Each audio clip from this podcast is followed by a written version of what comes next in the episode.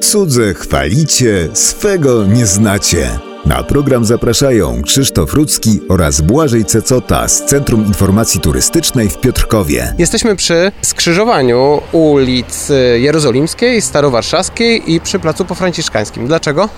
No to jest taka interesująca, współczesna, wydaje mi się, jedna historia, bo to całkiem niedawno się okazało. W czasie remontu ulicy Jerozolimskiej odkryto cmentarz Franciszkanów Piotrkowskich.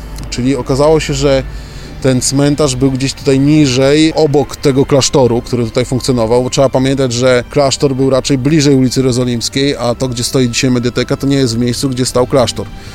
Natomiast tu w tym miejscu jakby na styku y, no, odnaleziono ten cmentarz. Mówimy o tym dlatego, że to są zakonnicy chyba mocno zapomniani w Piotrkowie. No zdecydowanie. To po pierwsze, a ich y, grób wspólny można znaleźć na cmentarzu starym katolickim i tam na pewno też gdzieś kiedyś y, będziemy.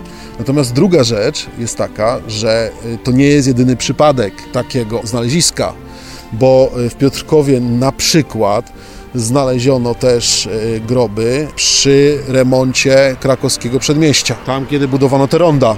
I okazało się, że ten cmentarz, który dzisiaj jest ograniczony, bo tam jest cmentarz, no był dużo szerszy, dużo większy kiedyś, a potem poprzez przebudowy, kiedy no, gdzieś tam nie zapisano pewnych rzeczy, my już o tym nie pamiętamy, że czasem chodzimy w takich miejscach. Druga rzecz to y, ograniczony murem, jeszcze przecież w XIX wieku, teren parafii Farnej. I tam też na ulicy Starowarszawskiej, w tym y, miejscu, gdzie Fara no, tam dotyka, jakby te mury dotykają tej ulicy, nie jesteśmy pewni, do którego miejsca ten cmentarz funkcjonował. Więc y, chciałem o tym wspomnieć, żebyśmy sobie uświadomili, że czasem przechodząc nieświadomie, przechodzimy po miejscach, które kiedyś uświęcone były tym, że były tam cmentarze.